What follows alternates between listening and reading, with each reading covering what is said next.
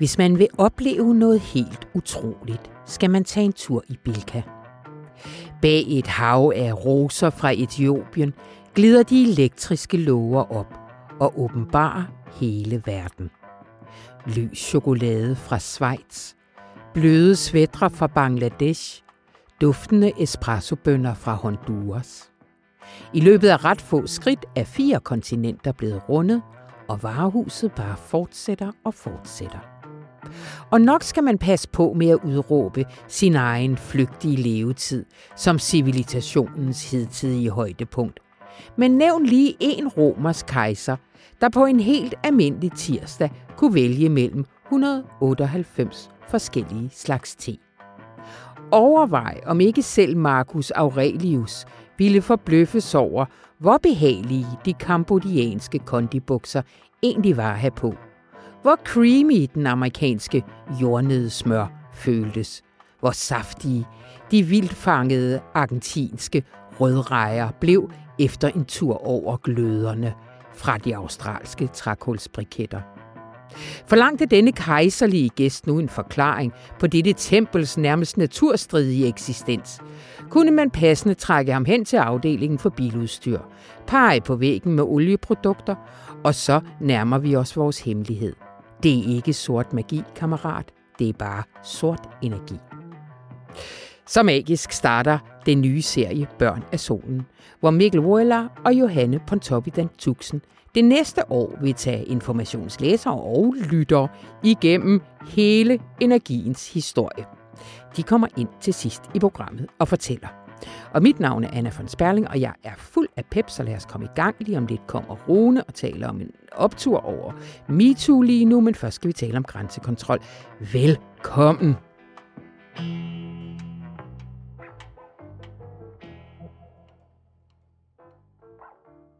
Regeringen har valgt at forlænge grænsekontrollen endnu en gang med henvisning til trusler mod Danmark. Men det er usikkert, om begrundelsen lever op til EU-rettens krav, erkender nu justitsminister Peter Humlegård. Sådan kunne man læse på forsiden af onsdagens avis, og den var skrevet af dig, Lasse Skov Andersen. Velkommen til. Tak. Og vores kollega Sebastian Gerding. Øh, før vi kommer til den aktuelle udvikling, Lasse, giv os lige the basics. Altså, for det første, hvis man nu ville bruge denne sidste stor bededag i vores liv til at øh, køre til Tyskland og købe billige bajer, hvad er det for en grænsekontrol, man vil møde? Ja, når du kører til Tyskland, øh, så er der jo sådan set ikke så meget, men når du skal hjem igen, ja. så kan du risikere at blive stoppet af en dansk betjent, som siger, øh, goddag, hvem er du? Øh, må jeg se dit øh, pas? Ja, og det kommer også lidt an på, hvad det er så for et pas, man dingler med, hvor lang tid øh, det tager. Ja, altså hvis du, hvis du er sådan en øh, mindreårig, uledsaget øh, øh, flygtningebarn, så, så bliver du nok hævet til siden, og så får du at vide, at øh, ja, enten så siger du det magiske ord asyl, ja. øh, eller så sender vi dig tilbage. Ja. Og sådan har det i praksis set ud siden 2016. Men hvad er egentlig de lovgivningsmæssige rammer inden for Schengen-samarbejdet for, øh, for vores grænsekontrol? Ja, de lovgivningsmæssige rammer for grænsekontrol, det er jo, at vi ikke skal have grænsekontrol. Vi er blevet enige om i, øh, i EU, øh, og en lidt bredere kreds også, øh, Norge også med, at øh, det vil vi ikke have. Altså, vi har, et, øh, vi har en union, vi har et indre marked, øh, og der skal ikke være de der barriere på de indre grænser. Vi har så en fælles grænsekontrol på de ydre grænser, hvor vi holder verdens under ude, men inden for, for det sådan øh, Fort Europa, der har vi så fri øh, bevægelighed. Ja. Øh, det er sådan udgangspunktet.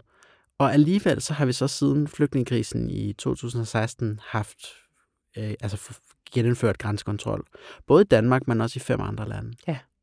Og det øh, var i første omgang helt øh, lovligt. Altså vi fik en en mulighed for at gøre det på grund af den aktuelle krise.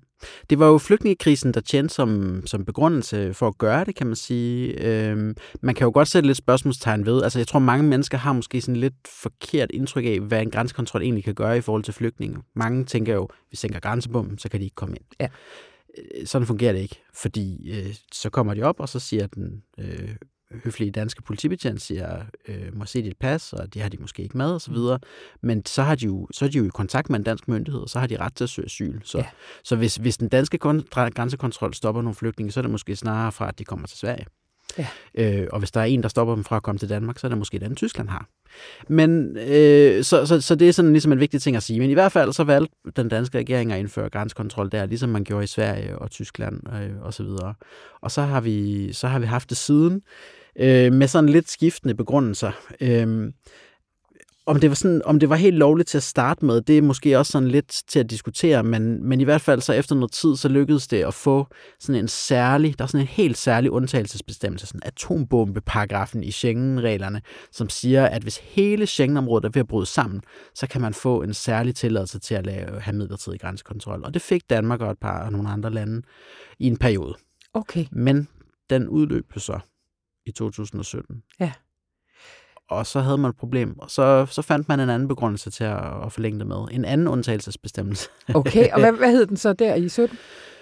Øh, så valgte man så i stedet for at sige, at nu handler det ikke længere om, øh, om flygtningekrisen, for der kom heller ikke nogen flygtninge der. Så sagde man, nu handler det om terrortruslen mod Danmark. Mm. Øhm, og der er så en anden bestemmelse. Nu havde man ikke længere øh, ligesom det samlede EU's tilladelse til det. Nu var det noget, man gjorde på egen hånd.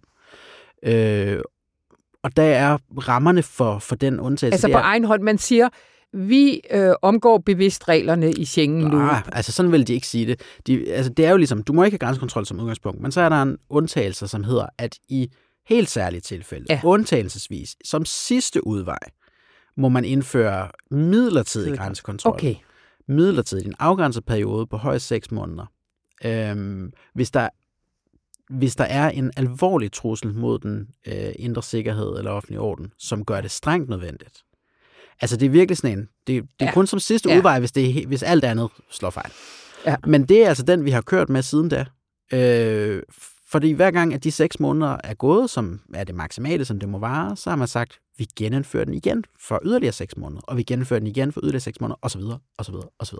Og har det så også været øh, terrortruslen i 18, 19, 20, Ja, så er der jo, så, 21? så er der jo kommet nye øh, begrundelser til. Terrortruslen har ligesom ligget konstant, så, så kommer jo også, øh, man udvider på et tidspunkt grænsekontrollen til også at, at omfatte grænsen mod Sverige.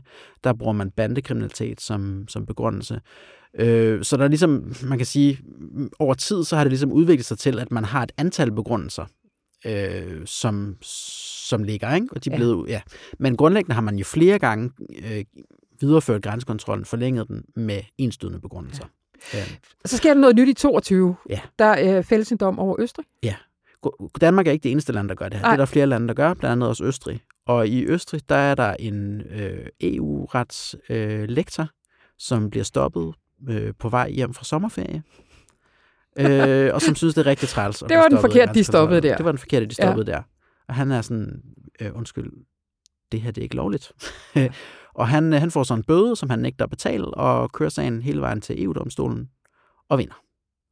Ja. Øh, hvad hedder det? Og det, som EU-domstolen så gør, er, at den kommer med sådan det, der hedder en præjudici- præjudiciel øh, udtalelse, Mm-hmm. som har bindende virkning for både Østrig og alle de andre EU-lande, og også, altså også Danmark.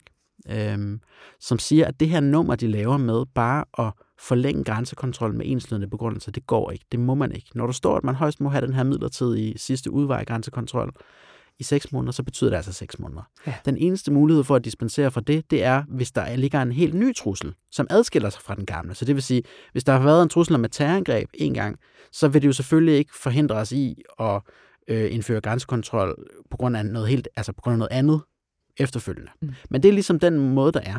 Ja. Ja. Øh, det der med at bruge den samme begrundelse igen og igen, det går ikke. Øh, så det er ulovligt, det Østrig har gjort, og det er sådan set det samme, Danmark har gjort. Ja. Ja. Og alligevel har regeringen igen valgt at forlænge grænsekontrollen. Efter den her dom, øh, måske havde den her østriske EU-retslektor forestillet sig, at øh, nu havde han fået de her lande ned med nakken og fået genoprettet øh, den frie bevægelighed Så kender EU. han ikke Danmark. Nej, men heller ikke de andre lande. Er det rigtigt? Altså, ja, ja. Nå. Altså, øh, man kan jo ikke sige, at de ignorerer dommen, fordi de siger jo, at de tager højde for den, men de prøver så bare at tilpasse deres begrundelser øh, for grænsekontrollen, sådan så at de mener, at, de kan, at, øh, at, at det harmonerer med dommen. Ikke? Så derfor så, efter dommen, så, så er, er der sådan set ikke i praksis sket den store forandring andet end, at landene siger, når de indsender deres begrundelser øh, til EU-kommissionen for at indføre grænsekontrollen, at vi mener, at det her er en, udgør en ny trussel. Og hvad er det for en trussel, øh, vi lige nu står overfor i Danmark? Ja, senest, den seneste forlængelse er jo lige kommet her, ja. blev besluttet her i april og træder i kraft her fra den 12. maj. Øhm, og der er begrundelsen, der stopper man faktisk grænsekontrollen mod Sverige, øhm, mm-hmm. men man viderefører den mod Tyskland. Øh, og begrundelsen for at gøre det er sådan flerledet, men den, man kan vel sige, at der er tre grundlæggende ting. Øh, det ene er det, regeringen kalder migrationskrisen. De henviser til, at der ligesom kommer flere øh, til Europa, og de nævner, der er indført undtagelsestilstand i Italien.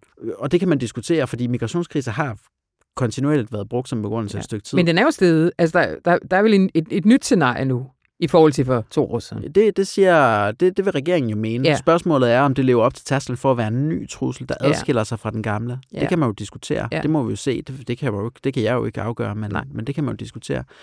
Det, der særligt er nyt, kan man sige, og som er værd at fremhæve, det er, at de nu fremhæver øh, truslen fra fremmede staters efterretningstjenester. Mm. Øhm, som jo er, det, det er ikke en begrundelse, de sådan har nævnt eksplicit før. Så på den måde er det en ny begrundelse. Skal vi Men, læse Rusland her, eller? Det gør jeg i hvert fald, ja. helt klart, når jeg ja. læser det der. Ja. Øhm, det er, og det er jo også meget op lige nu, det jeg kører den her store dokumentar. Jeg har selv været med til at lave en artikelserie ja. information også om uh, de farlige russere ja. og deres efterretningstjenester. Men, men man kan sige, det er, i hvert fald, det er i hvert fald en begrundelse, der ikke har været brugt før, men man kan jo også spørge, er der en er der en trussel fra den russiske efterretningstjeneste mod Danmark i dag, som ikke var der for et par måneder siden? Mm. Altså er den ny på den måde? Mm. Men, øh, men det, der jo så skete i den her uge, som jeg synes var sådan et ret stort øh, gennembrud på en eller anden måde. I, I, I skulle se Lasse lige nu. Ja.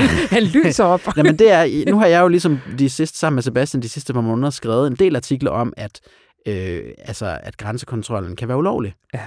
Men vi har ligesom ikke kunne få en officiel anerkendelse af det. Altså det, vi har fået fra Justitsministeriet og fra regeringen, det har ligesom været en, altså, det kan man jo godt tillade sig at kalde udenomssvar. Altså, ja. hvor de ikke rigtig svarer på det. Hvor de siger, vi mener, det holder vand. Altså, og ikke svare på, når jeg, det kan I godt mene, men hvilken, anerkender jeg, at der er en risiko for, at det ikke holder vand. Ja. Ikke? Øhm, øh, men det anerkender de nu. De, der, han har, justitsministeren Peter Hummelgaard, han skriver til Folketinget, at der er en betydelig usikkerhed ja. om, hvorvidt at de her begrundelser, de har nævnt, lever op til kravet om, at det skal være en ny trussel. Og altså dermed en betydelig usikkerhed om, det er overhovedet lovligt. Om det er overhovedet lovligt. Vi optager det her øh, torsdag eftermiddag, og han har været samråd her til øh, morgen. Øh, hvad, hvad, hvad sagde han der? Jamen, der, der øh, bekræftede han jo øh, igen det, som han også nu har sagt til os, og hvor, at han nu anerkender, at der er en, øh, øh, en juridisk risiko, altså en, en betydelig usikkerhed i forhold til, om det egentlig er lovligt, det her. Han holder jo fast i, at det mener han så, at det er. At det er. Men han anerkender, at der er en betydelig usikkerhed. Og fordelen øh, opvejer risikoen for, at det er ulovligt. Ja, han mener, det er nødvendigt med grænsekontrol, ikke fordi ja. der er de trusler mod Danmark, og, og, og han mener så, det holder vand, man anerkender, at det er, det er usikkert. Ja. Grunden til, at jeg synes, det er et gennembrud, det er fordi, nu synes jeg, at vi kan have, nu, altså på, på den baggrund, så kan vi have en lidt mere ærlig offentlig debat om, hvad det er. Ja. Fordi det er jo i hvert fald bredt anerkendt af mange som legitim for en regering at løbe det, der hedder, man kalder en procesrisiko. Ja. Altså, at regeringen skal på en eller anden måde have, have lov til at løbe en risiko for at gøre noget, der er sådan lidt i gråzonen, eller man, hvor man ikke er helt sikker på, om det er lovligt eller ulovligt, for at, ligesom at afklare det og prøve grænserne af. Ja. Øh, så vi ikke bliver totalt, øh, en regering ikke bliver totalt handlingslammet af alle mulige tanker om, hvad der muligvis måske kunne være et problem. Ja. Øhm, så det er jo på en eller anden måde, det er der jo en eller anden legitim interesse i. Men samtidig må man jo så sige, så må vi jo have debatten om grænsekontrollen på det grundlag. Ja. Fordi det, der jo også er sagen, det er, at det, det indebærer jo en risiko for, at det er ulovligt.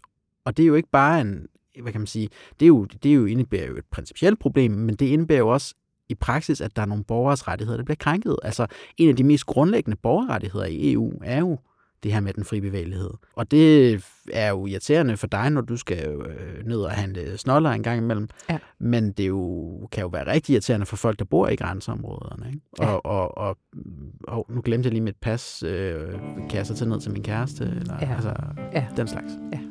I følger den her sag videre. Men det var, hvad vi nåede. Tusind tak. Ja, Lasse selv tak. Andersen.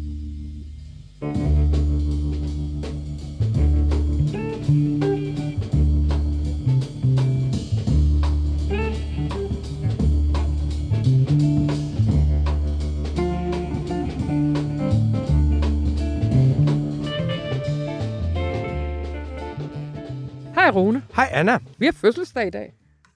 Ja, information har ja. fødselsdag. Vi har den legale fødselsdag i dag. Det Vi har 4. alle sammen glemt det. Vi kom til at synge, øh, om lidt bliver stille om uh, Stor Bededag uh, til morgenmødet, og vi har ikke fået noget kage eller noget som helst. Nej, men der står jo to flag ude foran butikken i dag. Har Ja, du lagt mærke til det? Har du ja. lagt mærke til det? Alle, ja, men uh, tillykke med det. Uh, du har en optur til os. Uh, den første MeToo-optur i uh, meget lang tid. Ja, jeg synes, man må sige, at hele forløbet omkring Lisette Risgaards afgang er en opturshistorie, fordi det er jo noget, som til synlædende har været accepteret i en lukket kreds, og som har stået på i mange år, og, og som ligesom har fortsat, fordi hun kunne slippe afsted med det. Mm. Altså hele den der, der er noget ude i den brede offentlighed, der er uacceptabelt, men i en lille kreds er det blevet acceptabelt. Og når det så kommer ud i den brede offentlighed, så, så bliver det afsløret, og på den måde bliver det kultiveret, og på den måde får man ligesom sendt et chok ind i den institution, som toppen af, af fagbevægelsen er. Og den mekanisme, Mm-hmm. synes jeg, er øh, en optursmekanisme. Ja. Øh, der kommer et øh, men lige om lidt, det tager vi lige om lidt, hvis Ja, ja, ja. ja. man sidder og hopper derude for det. Men jeg kommer også til at tænke på, at jeg tror, øh, vi har skrevet mange gange det der med, øh, at vi er et tidspunkt i historien, hvor pendulet måske er røget øh, helt ud til den ene side, men at det kræver, at vi udvikler sprog for det, og mm. Den offentlige samtale skal ligesom øve sig i det. Og jeg har tænkt den her gang, vi har øvet os lidt i det. Altså, det blandt andet, øh, så kan der ingen kan slippe afsted med at sige, øh, længere at sige, øh, jeg beklager, hvis de har oplevet det sådan. Eller, altså, der bliver ligesom hurtigt sådan, nej, nej, det, det er ikke det, Lisette. Det er ikke, altså, det, no gaslighting her. Vel, det er ikke dem, der har oplevet det sådan. Du skal beklage, at du har været grænseoverskridende. Og det synes jeg bare ret hurtigt blev, øh, blev reguleret ind. Det var bare min lille øh, private Gjorde det optur. det? Ja, det synes For- jeg. Øh, altså, fordi jeg synes, noget, som for mig er gådefuldt omkring det her, det er, at i hendes Facebook, der hvor hun siger, hun trækker sig, der skriver ja. hun, hun vil godt undskylde til dem, der oplever, at hun har overtrådt deres grænse. Hun vil gerne beklage over for dem, der har opfattet hendes adfærd som grænseoverskridende. Og jeg synes... Jeg, Jamen, det var, jeg, jeg siger heller ikke, Lisette fattede det ikke. Nej. Lisette troede, at hun kunne ride på den Ja, ja, der, præcis. som man tidligere kunne ride på. Hvor at så var den lukket, hvis man sagde, jeg, jeg, jeg er ked af, hvis jeg har gjort dig ked af, af det. Men jeg synes, reaktionen med det samme blev, ej Lisette, sådan, sådan gør vi det ikke mere. Altså, det slipper man ikke afsted med. Det handler om at øh, anerkende, at det har man gjort. Ja, det, synes, det, det er jeg sådan set enig med dig i, men jeg havde nu foretrukket, hvis hun havde sagt... Ja. Nej, men det havde jeg Ja, ja. foretrukket, fordi hvis hun havde sagt, jeg ved godt, det jeg har gjort er forkert. Ja. Æh, I stedet for at sige, jeg har lært af andre, at det, jeg gjorde, var forkert. Fordi at der er i den præmis en forestilling om, at hun ikke vidste, hun gjorde noget forkert, og det har hun så lært af andre. Kæmpe vrøvl. Ja, og, og, og, og, øh, og, og den der med, at jeg har lært af andre, så det ikke bliver et afsløringsøjeblik, men et erkendelsesøjeblik, den bryder jeg mig ikke særlig meget om, for den gør det svært at komme videre, fordi det institutionelle problem her er jo, at i toppen af fagbevægelsen, hvis eksistensberettigelse er at beskytte underordnede mod overordnedes vilkårlige magtudøvelse, at i kernen af Mhm. den kultur, der har man holdt hånden over den absolut overordnede karakter i hendes gentagende befamlinger og berøringer af, af, af underordnet. Og, og igen den der, som også var med Frank Jensen, Københavns overborgmester, at, at rigtig mange har vidst det, og rigtig mange har haft troen på, at det her kunne man slippe afsted med, at der var en parallel verden i toppen, hvor det var acceptabelt, det der ikke var acceptabelt i den store verden udenfor. Så selve institutionen har muliggjort, mm. at det har, det har kunne fortsætte i, i, i så lang tid. Og det, at MeToo stadigvæk kan det, at du stadigvæk har det afsløringspotentiale, det synes jeg er optur. Jeg synes også, vi skal sige, at, at øh, der er også noget opbyggeligt for nationens offentlighed i, at det ikke er en mand over for en kvinde, Ja, men at klart. det er en kvinde over for en, over, over for en, en serie af, af, af yngre mænd. Og der er, ikke, der er noget opbyggeligt i det, fordi, både fordi alle de unge mænd, der går og siger, at det er altid os, der er noget galt med, at vi skal bære øh, skylden for 2.000 års patriarkat og sådan noget, og, og det er altid kvinderne, der har ret, og os, der tager fejl. Altså på den måde, så får bevægelsen et opbakning, men den er også på et andet spørgsmål, nemlig, at det er jo ikke helt det samme, når det er kvinder over for mænd. Nej, nej, nej. Det er ikke helt det samme. Nej. Det kan sagtens være en total ydmygelse af manden, og det kan være en magtesløshed, og det rejser sine egne problematikker. Ja. Altså, virker det kastrerende for en ung mand at sige, jeg føler mig seksuelt krænket af en... Altså, Ja. øh, men omvendt må vi også sige, som der var en af dem, der sagde, at det var jo ikke sådan, at han var bange for den fysiske tilintetgørelse. Nej. Det var ikke sådan, at han var bange for at blive voldtaget ude i, i kopirummet. Så jeg synes, det der med, at der er et enormt interessant og vigtigt potentiale i at diskutere forskellen på mænd og kvinder, og også her holde fast i, og nu er jeg spændt på, om vi er uenige faktisk, Anna, Mm. at biologien ikke kan ignoreres. Mm-hmm. Mm. Altså at styrkeforholdet, det at når krænkeren faktisk kan banke den krænkede, det sætter et andet perspektiv, end når krænkeren ikke kan. Er helt enig. Så biologien betyder noget. Ja, ja, ja, ja, ja. Absolut. Nå, jamen, Ved du hvad, en lille en, det er en, et, en lille en, lille kommentar, som åbner en meget stor debat øh, i hele det her med, øh, at vi gradvist bliver bedre til at være nuanceret i de her øh, MeToo-sager. For det her med alkohol, som vi jo altså virkelig har navigeret meget elegant udenom i alle de foregående MeToo-sager, selv når de, øh, den krænke, krænkende part øh, faktisk råbt lidt højt om det, så har det ligesom været sådan noget, Udover lidt i Kristi Dagblad, er der faktisk ikke rigtig nogen, der er gået ind i det. Men det er der jo, og det er der jo meget tydeligt med Lisette Rigsgaard, men det har vel været der i stort set alle de store MeToo-sager, vi har haft derhjemme. Altså, fra Jesdorf over overborgmesteren. Det har du tænkt over. Jeg har ikke. Altså, jeg Nej. har jo brugt en meget, meget stor del af mit liv på at tænke på alkohol. Først på at tænke på at drikke det hele tiden, og så på at tænke på, hvordan man kunne lade være med at drikke det. Ja. Øh, så altså, jeg, jeg synes, hele det der spørgsmål om alkohol på arbejdspladsen er utrolig vanskeligt, fordi jeg kan elske, når de unge mennesker herinde holder fredagsbar, og man gider hinanden, og det er ikke bare sådan en arbejdsplads, hvor man tager hjem klokken 4, men at man faktisk investerer noget, noget, noget, noget, noget festligt i hinanden. Altså det der synes jeg er fantastisk, og det, det, altså jeg kan godt lide, der er plads til, at folk kan drikke sig fulde sammen på dagbladet information. Jeg er det jo så aldrig selv, og er aldrig til stede, når, når det sker, øh, og det er ikke, fordi jeg er et godt menneske, det er bare, fordi jeg ikke selv, selv, selv, selv drikker, og jeg har lært, at folk, der er fulde, de skal, de skal slippe for ædru øjne, når, det, når, når, når, når de er der. På Tak. den anden side, så er der jo også hele tiden det, at alkohol jo ikke kun slipper de gode hæmninger, men de slipper også de hæmninger, som er civiliserende. Og de slipper de hæmninger, der, er- der er civiliserende, sådan at man gør ting, man ikke burde have gjort, og at dem, der man gør det overfor, hvis de selv er beruset, føler de måske også tit selv, at de er et sted, hvor de ikke rigtig kan tillade sig at sige noget, for de var jo selv fulde. Så det skaber noget, som er enormt, enormt Et, øh, øh, vanskeligt. gråzone. Jamen, det, det er så mit ønske for den videre MeToo-debat, at vi kan finde ud af at inddrage spørgsmål om alkohol. Øh, jeg kan også fortælle lytterne, at jeg sidder for tiden og prøver at skrive en bog om kvinder og alkohol, og hvor jeg synes, hele spørgsmålet om, om overgreb og alkohol er virkelig vanskeligt, fordi øh, bliver det en undskyldning for manden, hvis han overtræder grænsen, og bliver det en ekstra belastning for kvinden, hvis hun lader sine grænser overskride, hvis der øh, hvis man tager alkoholspørgsmålet ind over. Det er svært, men jeg tror, det er, øh, jeg tror, jeg, jeg, tror, jeg tror, vi er der lige om lidt. Vi har kæmpe forventninger til din bog, Anna. Jamen altså. Øh, Rune, øh, der var også et men, som vi lige skal nå, ikke? fordi du skriver i en leder her i fredagens avis. Den kommer ikke om fredagen, lørdagen, mandagen, mandagens- avis. At øh, du kalder den faktisk, de, der bliver smidt ud af MeToo, skal også lukkes ind igen. Ja, skal også, jeg tror, jeg skal rette til, at jeg skal også kunne lukkes ind igen. Ja. Og det var, fordi jeg læste Helle Thornings bog, som virkelig er god. Ja. Af, af, af en blondines bekendelser. Men Helle Thorning, hun ligesom gør i bogen opmærksom på, at nu har vi udviklet det her enormt effektive instrument, som MeToo-afsløringen er. Men det betyder, at vi har udviklet en sanktion og en straf, som er hård. Fordi det, der er med MeToo-afsløringer, det er, at det rammer dig privat, den person du er. Det rammer dig moralsk. Det rammer dig professionelt. Mm. Det rammer dig i offentligheden. Så du ved, hvis, hvis man nu forestiller sig, at øh, man bliver taget i utroskab, og så bliver skilt, det er ok på arbejdspladsen. Det har man hørt om 100 gange før.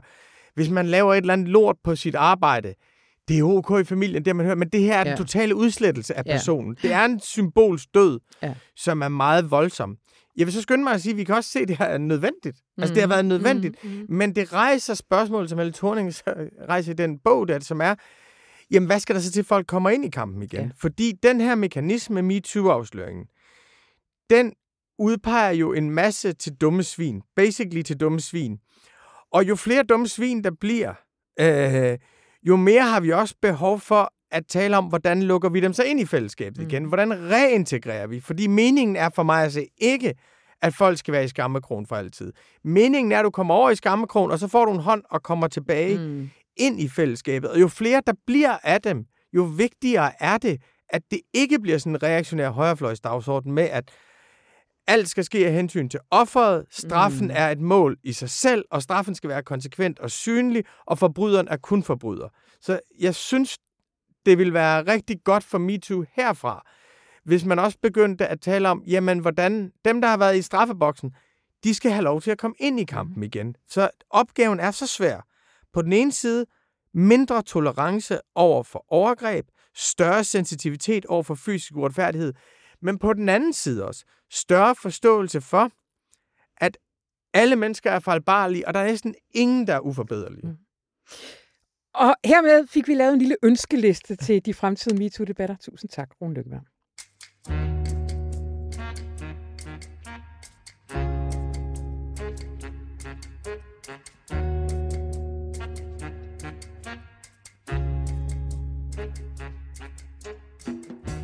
Energiens og menneskets historie er et fletværk. Fra det første chimpanselignende væsen samlede en brændende kæp op til vor tids store håb om fusionens uudtømmelige kilde, har energien formet vores samfund, og vores samfund tappet af energien. Hæftigere og hæftigere, og med fatale følger. Den historie vil Mikkel Wøller og Johanne Pontoppidan Tuxen dykke ned i og udfolde i Informations nye serie Børn af Solen, som vil, hold fast, løbe det næste år. Og velkommen til jer, Johanne og Mikkel. Tak Tak. skal du have. I to I er jo gamle makker, fordi man kender jer jo øh, fra øh, serien Naturvidenskaben forfra, der både var en øh, serie i avisen og en øh, øh, lydserie, øh, ja. Oplæste artikler, og blev siden en bog.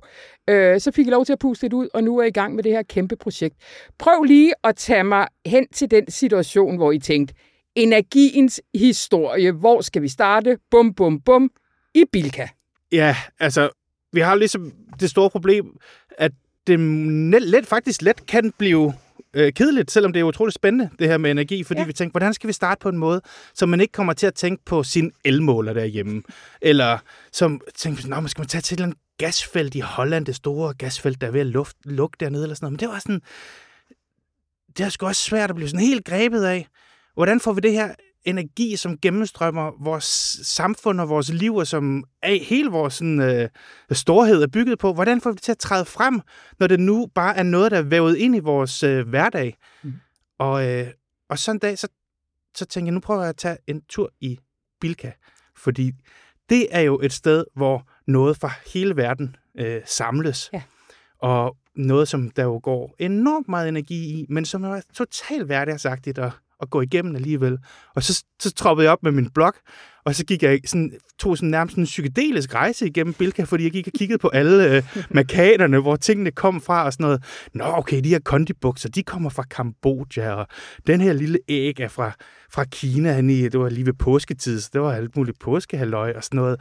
Øh, og så kommer man hen til alle de der bær, som, som kommer sådan fra Colombia, ananaskirsebær, et bjerg af kokosnødder fra Elfenbenskysten, og køddisken med franske vagtler og amerikansk vildsvinekølle, og Ja. grillkålene kommer fra Australien, og du ved, på meget, meget kort tid, så har jeg bare været sådan hele verden rundt. Ja. Bare hen over gulvet, øh, under lysstofsrørene. Og, og, og, og jeg, altså, jeg har ikke prøvet at gå øh, ud og købe ind på den måde øh, før, så det var sådan ret vildt, og jeg gik og tænkte sådan, Gud ved, altså sådan, det her, det er jo så vildt, når man tænker over det, at det ville være sådan, hvis man tog en romersk kejser med herind, mm. så ville han nok sige, ah, ej, nu bliver det næsten for meget, det her, ikke? 180 slags te. Ja, ja, ja. 198 slags te. Jeg stod og talte, altså sådan udvalget der. Der var selvfølgelig nogle forskellige øh, overlap af English breakfast for forskellige brands, og 10 af dem var iste. Men 198 slags te på en tirsdag, altså så har man faktisk virkelig, virkelig mange muligheder. Ja. Så, så vi har jo bygget en verden, som er helt utrolig. Altså virkelig fantastisk tidspunkt at være levende på, ikke? Ja, ja. Øh, og det er selvfølgelig, øh, altså hvad er hemmeligheden bag alt det? Jamen det er jo energi, og det er jo sort energi især, som driver alt det her, som man ser på, hvad det er. Vi bruger, det er olie, det er kul, det er gas især, ja. som holder alt det her op, og som gør, at vi kan have så fuldstændig sådan dionysisk et, øh, en, en tirsdag formiddag i Bilka, ikke? Ja.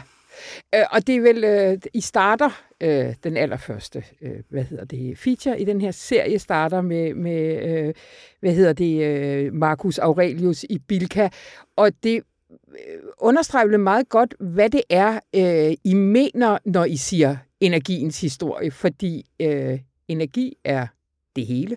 Det er jæger og samlere, og det er solen, og det er romerne, og, og hele vejen op igennem. Og så sker der selvfølgelig rimelig meget omkring industrialiseringen og sådan noget, ikke også? Ja. Men, men det er det er, det er civilisationens historie, vi prøver at fortælle ja. igennem Ja. ja. energi. Øh, øh, Johanne, I har valgt at kalde øh, serien Børn af solen. Mm. Hvorfor Det har vi. Det er faktisk en tribute til solen. Ja. Altså man kan sige, øhm, bortset fra øh, atomkraft og bortset fra en lille bitte smule geotermisk energi, så kommer stort set al vores energi fra solen. Mm-hmm. Og det er egentlig ret pudsigt, fordi vi bruger enormt meget krudt på at læse horoskoper og triangulere, fjerne stjernekonstellationer, og hvordan står den her i ascendanten i forhold til min lykke, når den stjerne, der faktisk har allermest betydning for alt det liv, der foregår her på jorden, er solen, Mm. og brænder lige over hovederne på os. Men når du siger, altså det, jeg er klart, jeg er med, solenergi, øh, den er meget en til en. Øh, men, men hvordan har solen at gøre med de andre, øh, hvad hedder det, øh, øh, øh, vedvarende energikilder, og, og, og hvordan har den at gøre med de fossile? Nå, men den har noget at gøre med det hele. Ja. Altså, det, du, vi, hvis vi forestiller os solen som en brandbombe, Ja. så kommer energien deroppe fra, fra sådan nogle små eksplosioner, der er nogle kerner, nogle brandkerner, der smelter sammen og bliver til helium, og frigiver en lille bitte pakke af energi, som hedder fotoner, og den fiser så ud af solen. Det tager og ja, faktisk 100.000 år, og så fiser den de sidste 8 minutter til, øh, til jorden, og det er den, øh, en solstråle, som gør alt muligt vildt. Ikke? Ja. Altså, den får øh, havene og søerne og pytterne til at, at varme op, så vandet fordamper og kondenserer over hovederne på os og regner ned på et eller andet bjerg et eller andet sted, hvor det så kan falde ned fra at drive en vandturbine og blive til vandkraft. Og den øh, får noget luft et sted til at varme op, sådan så det stiger op, og et andet sted, så bliver luften køligere og, og daler ned, og det driver ligesom vindene, sådan så vi kan få høstet den til noget, altså vindmøllekraft, og den... Øh, den bliver jo aller, aller, aller, aller vigtigst fængslet af fotosyntesen mm. i strå og i blade og i træer, så vi både har noget at krudte af inde i vores øh, kakkelovne, men også så vi har øh, noget at spise. Altså planterne er lysæder, de står og græsser af lyset, sådan så vi kan spise dem, eller at øh, hvad hedder det, planteæderne kan spise dem, så vi kødædere kan få noget kød. Så altså alt det her, det sker kun fordi, der sker nogle små, øh, hvad hedder det, øh, foton energiudlandinger op fra solen, og vi har jo dyrket den i tusinder af år i solkulter, fordi ja. den er så vigtig, at den bliver ved med at stå op. Altså, hvis jeg ikke var fan af solen før. Øh, Mikkel, det her, altså nu har jeg lige jeg har jo sagt, I har jeg lavet, hvad hedder det, øh, den store naturvidenskaben forfra, der var I også herinde og snakke, og der, der var I på bare på i starten. Øh, I er selvfølgelig sådan lige avanceret lidt, når I går i gang med det her, øh, i forhold til sådan nogle sådan grundlæggende øh, processer, øh, som nogle af dem, som, øh, som Johanne også lige talte om. Men det er alligevel et helt nyt felt. Altså, hvordan har I grebet det an? Ja, det gode er, at vi har en lille smule erfaring med at stå og kigge ned i afgrunden. Ja. Altså, vi har prøvet før at tænke, hvordan filan skal vi stille? Øh, skal vi, Altså skal den, vi gøre der det her? Ikke gjort af jeres manglende viden. Fuldstændig. Ja. Ja. Det er en afgrund af uvidenhed. En stor, sort øh, tomhed, hvor det bare sådan, hvor det bare runger. Ja. Altså, og, øh, og, og, og det er jo lidt det samme, som vi gør her med energien. Selvfølgelig har vi nogle enkelte ting, vi kan hive med fra naturvidenskaben, og så har vi nogle metoder, som vi kan hive med. Ja. Fordi vi baserer os jo rigtig meget på andre menneskers viden, som nærmest al anden journalistik i øvrigt, ikke?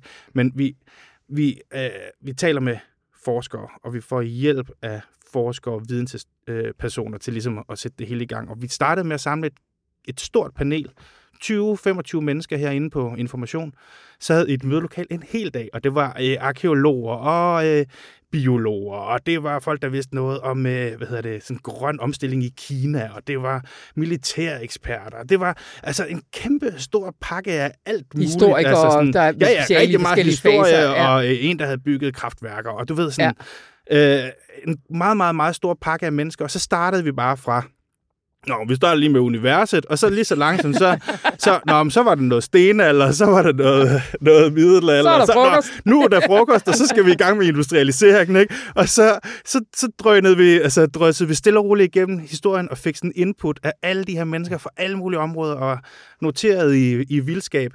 Og, og så ud fra det fik vi jo en eller anden form for tidslinje og nogle hovedkapitler, som vi har prøvet at organisere i 52 uh, post-its på væggen inde på kontoret, sådan, så vi har en, uh, en sti, vi ligesom kan følge en Jeg var så misundelig, når jeg mødte jer. I så helt vilde ud i øjnene, fordi I var så overloaded. Men jeg var så misundelig, fordi vi har talt så tit om det. Også det der med, at information har jo nok... Altså, det tror jeg godt, altså Danmarks klogeste læsere. Og så bruger vi dem tit alt for lidt. Så vi har jo mange gange haft det der med, nu skal vi altså til at invitere øh, fagfolk ind, som, øh, som øh, ikke som interviewoffer, men som dem, der klæder os på til at overhovedet forstå noget. Det er fandme fedt. Øh, Johanne, altså, øh, kan man sige, kan du sige, om der er, har du fået en favorit energikilde, eller en, en, en særlig fase i vores energihistorie, som virkelig gav dig nogle af oplevelser, der, der hænger ved? Altså, som privat menneske er jeg virkelig glad for stikkontakter. Men, men, men det vidste jeg jo godt i forvejen. Nej, jeg vil sige, nu har jeg siddet og rodet meget rundt sådan i, i, altså i solen, og i, men, men også i ilden. Altså, hvordan vi ligesom ja. lærte øh, at mestre ilden, øh, ved både at blive sådan bekendte med, okay, flammer er egentlig ikke så farlige alligevel, når de kommer forbi på branden på stepperne, fortidsmennesker, og fundet ud af, hmm, det var da egentlig meget praktisk. De brænder noget land af, så jeg kan jage bedre og se rovdyrene osv. På et tidspunkt lærer vi at forstå ilden og mestre ilden, og til sidst at skabe den selv. Og noget af det, jeg synes var helt vildt fascinerende i, øh, i den historie, det var, at der er sådan en hypotese om, at det faktisk var ved at mestre ilden og lære at bruge den til madlavning, at øh, vi blev mennesker. Altså, vores ja. kroppe ændrede sig øh, drastisk for omtrent sådan øh, halvanden million år siden. Altså pludselig vandrede ind på, på verdensscenen Homo erectus, som, som ligner nogenlunde de, de mennesker, vi er i dag, som havde markant mindre vom, mindre tarmsystem end chimpanserne, som vi jo deler stamfar med, Mm. øh, og større hjerner. Og, øh, og teorien er, at tarmsystemet er super energikrævende, og det er hjernen også. Men på en måde ved at bruge ilden og ved at kokkerere maden, så fik vi et meget større menukort. Masser af ting. Der er kartofler er giftige, hvis du spiser dem rå. Mm. Ikke? Alle mulige ting kan du ikke rigtig komme til, hvis du spiser dem rå. Tilberedte giver de mega meget energi, og du behøver ikke bruge alt muligt krudt for at fordøje det, som du gør, hvis du spiser alting råt. Så vi fik frigivet energi, energi vi kunne bruge op i hjernerne, så ilden satte sig spor i selve vores skeletter og gjorde os til mennesker, lyder teorien. Og det synes jeg bare er så helt vildt fantastisk at tænke på, fordi ild jo vitterligt er et af de allervigtigste skridt i vores historie med energien. Wow. Mikkel, har du også øh, sådan et sted, hvor du tænker, aha, det her det er fedt? Ja, jeg synes faktisk, jeg støder ind i det hele tiden. Lige nu der basker vi jo meget rundt i, øh, i, det- i, det aller, øh, i det allerførste tid, så det er, det er meget sådan noget med, med menneskets evolution og jæger og samler og, og lignende. Men, men der er sådan en grunderkendelse, som ligger bag det hele, og som vi også startede med, som jeg synes også bare er fed at blive mindet om, og, eller, eller bare sådan, altså, ja, erkende, at energi, det er ikke noget, som vi kan skabe, og det er heller ikke noget, vi kan ødelægge. Energi, altså energien er konstant. Den kan bare tage forskellige former. Mm. Så altså, når det kommer ned fra solen, jamen så er det solstrålernes energi, der bliver lagret i noget træ. Det kan blive til kul. Og så det her kul, ja, det bliver brændt af. Energien bliver så til noget varme, altså der bevæger sig rundt i noget vand, som bliver til damp, som så driver en turbine rundt, så det lige pludselig bliver til noget sådan makroskopiske bevægelser, som får en generator til at, at, at dreje, som laver elektrisk energi, mm. som så får højtaleren til at spille, så vi kan høre den her podcast her. Ikke? Ja. Øh, og hele tiden så går der så lidt af det tabt som, som varme, ikke? også hver gang det bliver vekslet, men det er aldrig forsvundet. Vi bruger ikke energi, altså, eller vi, vi forbruger ikke energi. Den forsvinder ikke. Den bliver bare til noget andet, antager nye former. Og det synes jeg bare er en vildt uh, funky måde at se verden på. Men det, den jo så gør i hele den der proces, det er, at den, øh, den øh, efterlader noget værd råd øh, omkring os øh, på rigtig mange øh, områder. Og altså, udover fascinationen og alt det der, vi snakkede lige til frokost om, at det her, det skal ikke være sådan en øh, husk at øh, slukke for... Øh, øh, hvad hedder det, lyset, eller sådan noget. Det skal ikke blive sådan en, en skyldserie, vel? Vi kører, den, vi kører den ind på fascination. Men det er vel baggrunden for den her serie, at vi står i et ret vildt sted i vores øh, allesammens energihistorie lige nu. Vi står et fuldstændig historisk unikt sted, fordi vi står midt i det, der skal være en omstilling. Ikke? Altså, vi har gjort det et par gange. Man kan sige, ild, det vi lærte at mestre den, det var rigtig meget en omstilling, men der havde vi ikke noget, vi tappede af før. Nej. Øh, da vi nåede til kullet, der havde vi jo tappet en masse. Der havde vi, altså, England var nærmest tømt for skove. Kullet reddede Englands skove, fordi de var blevet brændt af ellers. Ikke? Ja. Øh, så der, der måtte vi lave en omstilling, men den tog lang tid. Øh, det tog øh, over 100 år, før at kullet overtog øh, i, øh, i forhold til hvor mængden af træ, der blev brugt. Øh, og, øh, og nu står vi i den næste af de rigtig store omstillinger. Og vi har ikke 100 år, eller det, der skal Nej. til. Og vi skal over til en helt anden form for energi, end det, vi kommer fra, som jo er de fossile brændsler, er, at vi krutter en masse gammelt solskin af. Altså det er noget, der er blevet skabt over millioner af mm. år fra nogle planter, der har optaget solstrålerne, stolens energi, og som er blevet lagret på en måde, så at de er blevet til kul og gas og olie. Det futter vi af. Nu skal vi til at lave noget, der er helt anderledes, og vi har, ja, vi skal have gjort det inden frokost, ikke? Ja. Øh, den opfordring er her med givet videre. Men lad os lige vende tilbage her til allersidst med et lille klip fra den første feature. Øh, og Mikkel, vi startede i Bilka med øh, Marcus Aurelius, og så bevæger vi os øh, videre ud i landet. Hvad er det, vi skal høre nu? Jamen, øh, vi skal en tur til Esbjerg til beredskabskursus i vores øh, jagt på at få energien til at træde frem. Så deltog jeg i sådan et, øh, i et, et kursus, som hedder Klar dig selv i 72 timer. Og øh, og, og der, hvor vi skal hen, og det vi skal høre nu, fordi det kan jo lige indskyde serien her, kan man også høre som, som podcast. Nemlig. Øh, det vi skal høre nu, det, det er så øh, øh, fra, fra den her øh, teknologivirksomhed i Esbjerg, hvor de sidder i kantinen til sådan en fyraftensmøde, og, øh, og instruktøren, øh, Bent, som er brandmand, og øh, han, han er så øh, ligesom nået til det punkt, der hedder forsyningsnedbrud. Og han prøver så at beskrive, jamen hvad er det egentlig, øh, der vil ske, hvis, øh, det hele ryger. Altså Hvis vand, varme, ja. Ja. Øh, elektricitet. Eller, ja. Godt. Øh, og det får I at høre lige om lidt, og så synes jeg jo bare, I skal vælte direkte over øh, på Børnesolen, der har sin egen øh, podcastkanal. Kan du bare gå ind og søge på. Og mit navn, det er Anna von Sperling, og det her program, det var klippet og gjort så fint af Rune Spare Gertsen. Og så må I have en dejlig miniferie.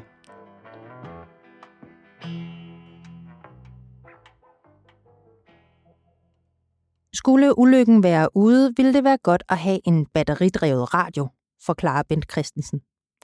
For mobilen kan man godt glemme alt om, når de fleste sendemaster løber tør for nødstrøm efter en times tid.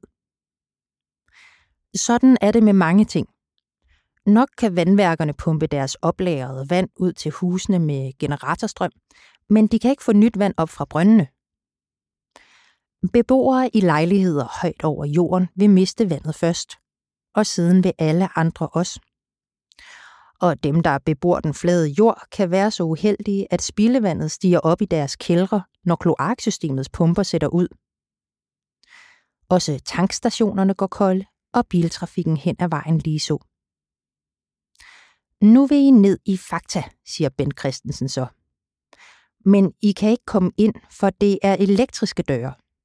Og hvis I kommer ind, er det mørkt, for der er jo sjældent mange vinduer, og I vader rundt i vand på gulvet, for køleskabene og frysedisken er sat ud.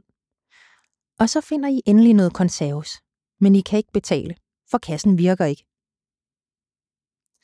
Selvfølgelig vil der være nødstrøm her og der. Hospitalerne, DSB, beredskabet, rådhusene. En hel del landmænd og enkelte andre har sikret sig med generatorer, hvis uheldet skulle ramme, forklarer han. Men verden, som vi kender den, ville ret hurtigt stanse. Vi er så meget på den, konstaterer Charlotte Eldal. Den erkendelse er blevet mere præsent på det sidste, og det er ikke kun klimaforandringerne, der har båret den frem. Ruslands uventede invasion af Ukraine i 2022 har skabt ny usikkerhed og en ny energibevidsthed i brede kredse. Også på højeste niveau rundt om i Europa begyndte politiske ledere at tale højt om de samme spørgsmål, som folkene til beredskabskurset i Esbjerg tumler med. Hvad gør vi, hvis energien ryger?